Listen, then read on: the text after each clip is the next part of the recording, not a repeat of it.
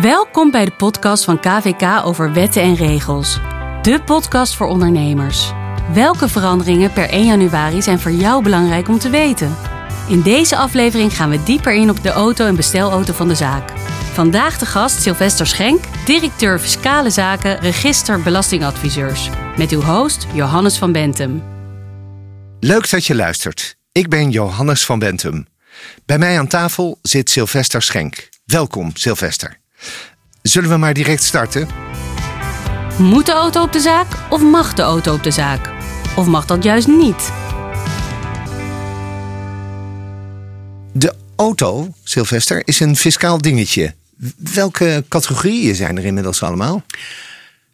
Je kent uh, de reclameslogan leuker kunnen we het niet maken. Wel makkelijker uh, voor wat betreft de categorieën bijtelling voor de auto uh, is dat zeker niet het geval. Dat benadert de grenzen van het menselijk bevattingsvermogen gevaarlijk dicht.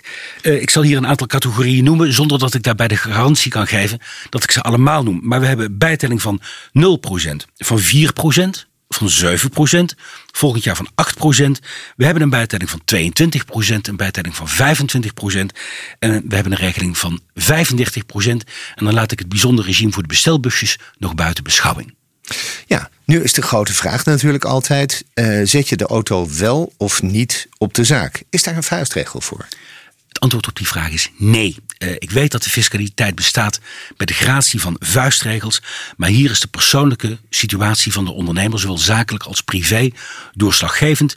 Als jij in Maastricht woont, uh, je ouders wonen in Groningen en je schoonouders wonen in Middelburg en je bent een beetje familieziek en je vrouw is dat ook, uh, en je maakt heel veel privékilometers, ja, dan is het denk ik verstandig om die auto toch maar op de zaak te zetten. Um, ben je een vrijgezel die het alleen maar plezierig vindt om in het weekend met een biertje voor de tv te zitten en het huis niet uit te komen, dan kun je beter de auto op privé zetten. Want dan is die bijtelling die is kostbaar. Dus sterk afhankelijk van de omstandigheden. Hoe zit je privésituatie in elkaar? Hoe zit je zakelijke situatie in elkaar? En wat gebeurt er met die bijtelling de komende jaren? Um, Antwoord op die vraag is opnieuw, uh, dat ligt eraan. Dat is trouwens in zijn algemeenheid in de fiscaliteit uh, een verstandig antwoord. Uh, je kunt zeggen dat um, de bijtelling voor de elektrische auto, dat die de komende jaren met stappen verhoogd zal gaan worden. Zodat je uitkomt op dat algemene tarief dat we op dit moment hebben van 22 procent. Dus daar valt het voordeel van elektrisch rijden eigenlijk weg? Dat voordeel van elektrisch rijden dat zal met stapjes afgebouwd gaan worden om uiteindelijk helemaal te verdwijnen. Het is wel zo dat er op dit moment sprake is van een overgangsregeling waarbij bepalend is de datum van het op kenteken zetten van de auto. Je kunt er eigenlijk van uitgaan dat als een auto op kenteken is gezet, dat vanaf dat moment het dan van toepassing zijnde regime gedurende een periode van vijf jaar, 60 maanden blijft bestaan. Ook als jij een tweedehands auto koopt of als jij die auto verkoopt. Ja, en uh, dus kleven nog meer voordelen aan elektrisch rijden. Uh, blijft het voordeel van de wegenbelasting en de BPM, uh, blijft dat bestaan? Ja, men heeft aangegeven dat er veranderingen zullen gaan komen in het bijtellingspercentage. Maar ehm, de uh, motorrijtuigenbelasting, de wegenbelasting uh, en ook de BPM. Uh, daarvan is aangegeven dat die op dit moment het huidige regime blijven volgen. Dat betekent geen BPM en geen motorrijtuigenbelasting. Met de opmerking dat bij dit soort gevallen garanties geldig zijn tot aan de deur van de garage. Maakt dit de elektrische auto van de zaak dus ook aantrekkelijker? De, auto voor, de elektrische auto van de zaak is aantrekkelijk in zijn algemeenheid. Het zal de komende jaren minder aantrekkelijk gaan worden. Uiteindelijk zal het verschil gaan verdwijnen. Maar ik denk ook dat tegen die periode het verschil uh, in bereik en afstand in kosten tussen een benzineauto of een dieselauto en een elektrische auto is verdwenen. Dus de bijzondere positie van de elektrische auto die zal minder gaan worden, zal uiteindelijk gaan verdwijnen. Maar de komende jaren kan een elektrische auto nog wel degelijk verstandig zijn. En hoe zit dat met tweedehands elektrische auto's? Ja, um, dat is denk ik een hele goede tip. De Antje tweedehandsje, zoals ze wel worden genoemd. Um, daarvan gaf ik net al aan dat dat interessant kan zijn. Omdat als je een tweedehands auto koopt, je te maken krijgt met die periode van 60 maanden. Dat is een groot voordeel. Uh, koop je op dit moment een auto met een bijtelling van 4%, um, dan heb je daar op, op dat verlaagde percentage recht op 60 maanden. Minus uiteraard de periode die al verstreken is. Um, nog één opmerking daarbij. In het verleden was het zo dat je op elektrische auto's nog milieu-investeringsaftrek kon krijgen. Maar die milieu-investeringsaftrek die gold alleen voor nieuwe voor ongebruikte bedrijfsmiddelen. Maar goed, eh, die regeling die verdwijnt. Ehm, en dat betekent dat je met een gerust hart vanuit fiscale optiek uh, een tweedehands auto kunt kopen. Grote vraag was natuurlijk altijd: wat betekent dat voor de batterij? Want dat is het, het zwakke punt van die elektrische auto's. Nu blijkt dat die batterij eigenlijk prima meegaat gedurende een aantal jaren. Dat het maximum laadvermogen dat dat niet uh, achteruit gaat. Niet, ja. niet hard achteruit gaat.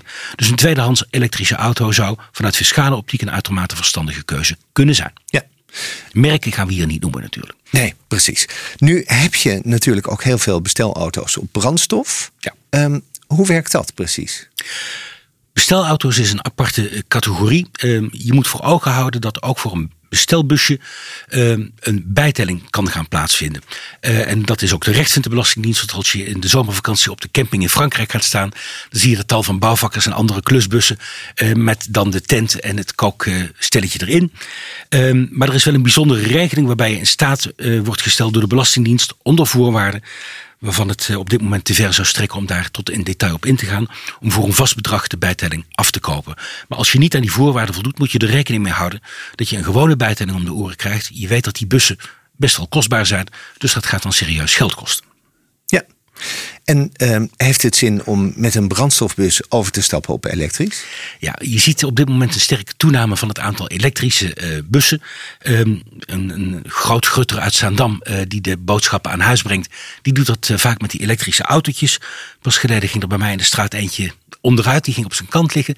Dat was, dat was lachen.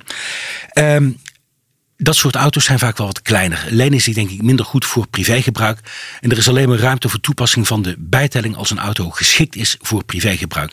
Dus een auto die van de achterkant helemaal is ingericht voor goederenvervoer. met maar één plaats voorin. daar krijg je geen bijtelling voor. Precies. Maar een dubbele cabine, dan heb je hem wel. Dan, ja. ja. Wat is eigenlijk voordeliger zo in grote lijnen? De auto op de zaak of privéauto met een kilometervergoeding? Dat ligt eraan uh, aan, het, aan het kilometrage, aan de totale kilometrage natuurlijk. Dat is weer onze man in Maastricht. Ja, met, ja. Een, met een vriendin in Den Helder en een tweede vriendin in Leeuwarden. Ja, ja, ja precies. Dan rij je helemaal ziek. Um, ja, Sylvester, hoe zou je de auto van de zaak uh, in drie regels willen samenvatten? Goed, de samenvatting van de, van de auto. Uh, elektrisch rijden is fiscaal voordelig. Uh, het zal de komende jaren minder voordelig worden, maar uh, het is en blijft voordelig. Uh, verder zul je je moeten afvragen, auto op de zaak of auto privé. ga ervan uit dat je daarbij heel veel vrijheid hebt om die auto te etiketteren zoals dat heet, zoals je wil, zakelijk of privé. Er gelden wel wat grenzen. Soms mag het op de zaak, soms moet het op de zaak um, en soms kan het op de zaak. Um, belangrijk is denk ik de grens van 500 kilometer. Dat is een vuistregel. Rij je met een auto tenminste 500 kilometer zakelijk, dan mag die op de balans. Rij je met een auto tenminste 500 kilometer eh, privé, dan kan het ook nog steeds. Je hebt dus alle ruimte, mits je maar voldoende zakelijke of voldoende privé-kilometers rijdt. We gaan naar het laatste onderdeel. Bokbiertips. Het is weer tijd om je onderneming klaar te maken voor 2020. Sylvester, hoe kunnen we de auto fiscaal winterklaar maken? Ja. Fiscaal winterklaar, dat vind ik een erg mooie uitdrukking. Uh, ook omdat de winter natuurlijk de nodige kosten met zich meebrengt. Uh, en die kosten die zijn in de regel fiscaal uitermate relevant. Uh, als jij een auto zakelijk rijdt, dus die auto staat op de balans, dan zijn alle kosten die verband houden met het rijden met die auto, van zowel zakelijke als privékilometers, die zijn fiscaal relevant. Ook als het om privéritjes gaat. Dus ga je met je zakelijke auto op wintersport, dan zijn de kosten van de winterbanden, de kosten van de sneeuwkettingen, de kosten van de pechhulp, de kosten van het afslepen en weet ik welke ellende je allemaal kunt krijgen als je met die auto op vakantie gaat, die zijn fiscaal relevant en dus aftrekbaar. Maar het hotel en de skipas niet? Hotel en de skipas niet, maar nee. de stallingskosten voor de garage, je hebt in Frankrijk, dat weet je ook, een aantal van die dorpen die autovrij zijn. Ja. Dan moet je die auto voor veel geld buiten het dorp parkeren. Um, dan zijn die kosten fiscaal relevant. Ga je naar Schiphol toe uh, en je blijft uh, een week weg. Um, dan kom je bij uh, terugkomst hier op Schiphol. Dan weet je wat je aan stallingskosten kwijt bent. Voor een auto van de zaak is dat aftrekbaar. Als je dan die auto op P1 zet, je bent uh, vier dagen weg geweest. Dat is onverstandig. Is onverstandig, maar ook ja. die kosten zijn uh, aftrekbaar. Um, ja, ook de kosten van de peage, de tolwegen en zo, dat uh, is allemaal aftrekbaar. Geldt dat ook voor een kilometervergoeding? Nee, dat is misschien wel het, eh, het uh, onrechtvaardige. Uh, de kosten die je allemaal belastingvrij kunt vergoeden of die van de winst aftrekbaar zijn, die gelden alleen als de auto op de balans staat. Als je rijdt in een auto van de zaak. Degene die de auto privé hebben staan en die kilometer vergoeden, krijgen van 19 cent, die bekende kilometervergoeding van 19 cent, die worden geacht al die kosten, dus de peage en de stallingskosten en het wassen van de auto, um, en wat je allemaal maar uh, meer onbelast kon vergoeden, om die te bestrijden uit die 19 cent per kilometer. Ook die 100 euro die je betaalt op Schiphol als je weer terug bent, ja, die moet je maar betalen uit die 19 cent. Dus in zoverre is hier sprake van een enorm groot en misschien niet goed rechtvaardige verschil.